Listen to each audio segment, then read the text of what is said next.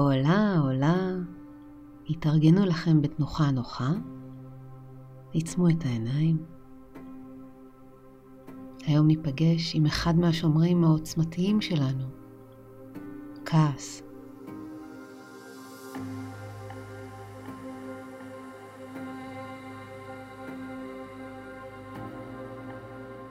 מוטב לבצע את המדיטציה הזו כשאתם רגועים ולא בתוך הכעס עצמו.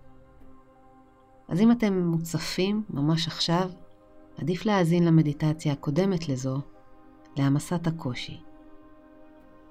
הכעס יכול להיות שומר נפלא, ועשוי ללמד אתכם דברים חשובים על עצמכם. נעשה זאת דרך שלוש שאלות. לפני שנצלול למים העמוקים, נעזר כפי שעשינו כבר בעבר בנשימת פלטו. שאיפה, עצירה, נשיפה, עצירה. כל שלב נעשה על ספירה של ארבע, נשמו איתי.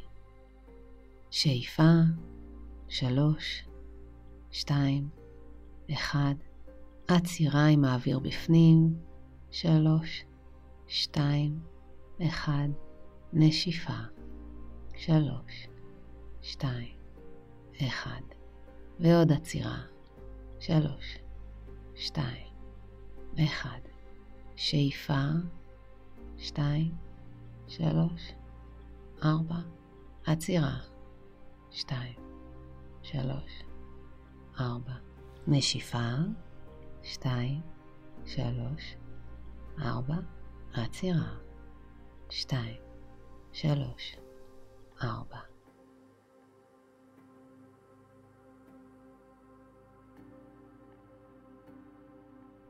שחזרו בתוככם מצב שבו חוויתם כעס לפני שבוע, לפני חמש שנים, לא משנה.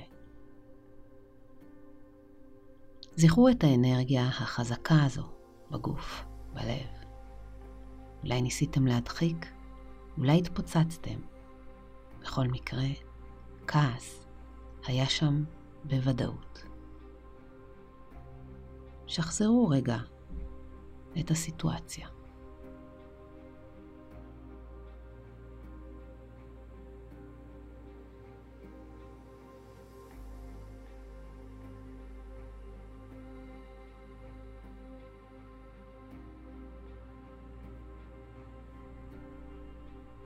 שאלה ראשונה שתשאלו את עצמכם,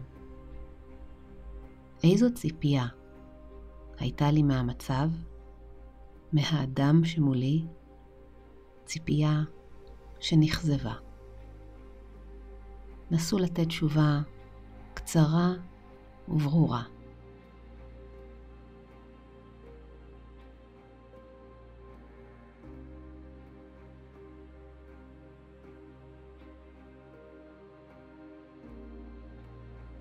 מי שקיבלתם את התשובה, קחו אוויר פנימה והחוצה. הכעס יכול להיות שומר הראש אשר מגונן על רגשות עדינים, כגון פגיעות, כאב, אי צדק. אז השאלה השנייה היא, על איזה רגש הכעס שלכם גונן.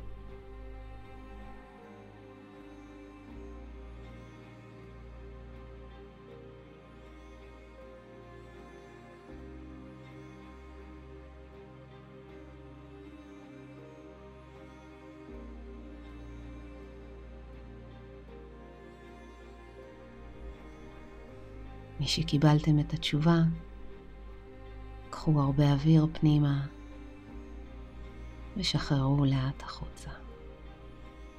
כעס למעשה דורש סידור גבולות מחדש, על פי הערכים והצרכים הפנימיים. אז השאלה השלישית היא, האם בעקבות הסיטואציה סומנו גבולות חדשים.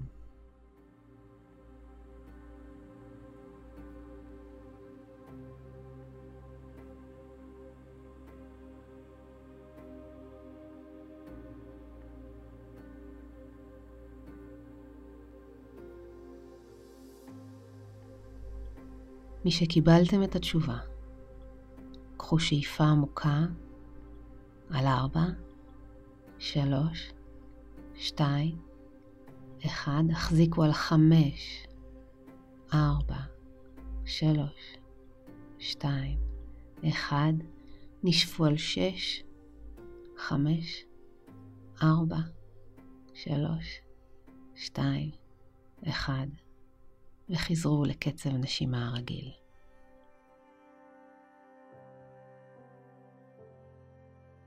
דעו ששומר הראש שלכם אוהב אתכם כל כך. היו עוד רגע אחד עם התשובות שקיבלתם בזכותו. נמסטה.